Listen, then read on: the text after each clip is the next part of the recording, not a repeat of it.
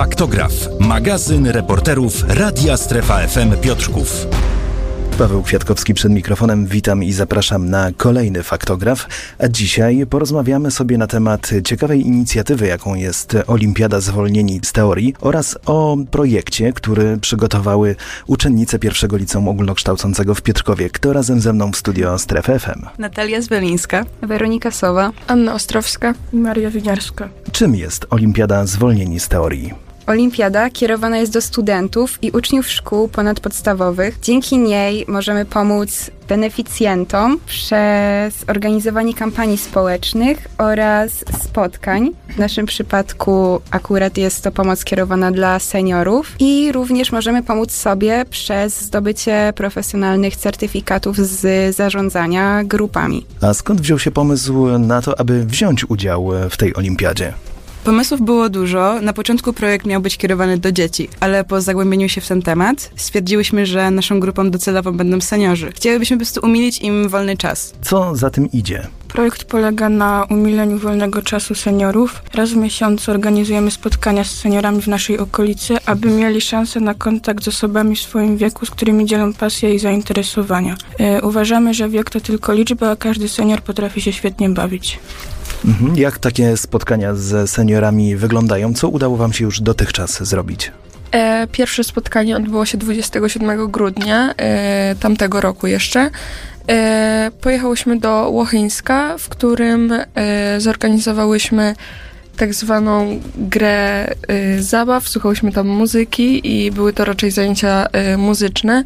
Wspierali nas również psycholog, terapeuta y, muzyczny, który bardzo nam pomógł, bo było to jednak stresujące y, i było to nasze pierwsze spotkanie. Właśnie, chciałem zapytać, jakie były Wasze odczucia podczas e, prowadzenia tego pierwszego spotkania? Na początku trochę nie, nie wiedziałyśmy, co mamy zrobić. E, miałyśmy jakiś plan przygotowany w głowie, ale wszystko, co tam się wydarzyło, na bieżąco wymyślałyśmy i później już tak w połowie spotkania byłyśmy bardzo rozluźnione i bardzo miło spędziłyśmy czas z y, seniorami. A jakie wnioski e, popłynęły po tym pierwszym spotkaniu? Na pewno widać było też po seniorach, że mają tą potrzebę e, spędzania czasu też z innymi ludźmi, e, nie jedynie z osobami, które są wokół ich, czyli po prostu poznawać też nowe osoby i było to na pewno dla nas dużą lekcją, tak samo i dla nich. Jeśli chodzi o Wasze kolejne plany związane z tym projektem, co dalej, co w Waszych planach? Kolejne spotkanie odbędzie się w ten czwartek. Będzie polegało na uświadomieniu seniorek, jak pielęgnować skórę dojrzałą i jak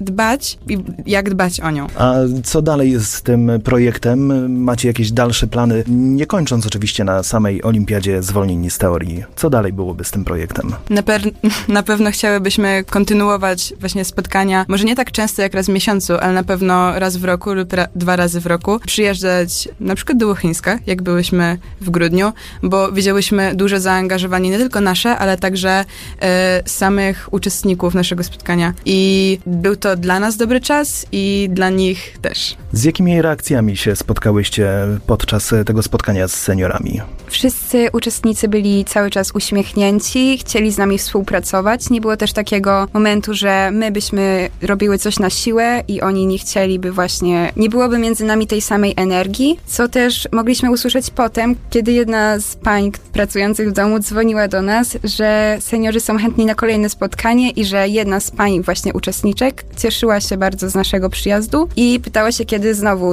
odwiedzimy dom. A co jeszcze Wam e, daje taka działalność, już nie skupiając się na samych sprawach związanych z Olimpiadą, ale czy jakieś takie wartości prywatne do Waszego życia wniosły?